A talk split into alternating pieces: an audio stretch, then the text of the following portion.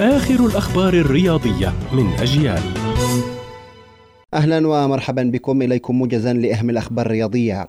توج نادي إشبيليا الإسباني بلقب دوري اليوروبا ليج بعد فوزه على روما بركلات الترجيح بأربع ركلات مقابل واحدة.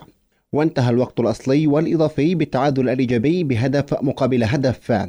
وأصبح نادي إشبيليا حامل الرقم القياسي في البطولة بعد فوزه بسبعة ألقاب.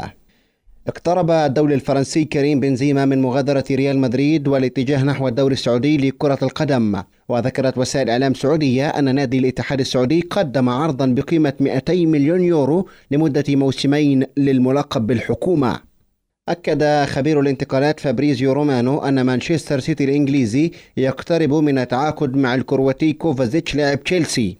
وذكر فابريزيو أن قيمة الصفقة قد تصل إلى 30 مليون يورو.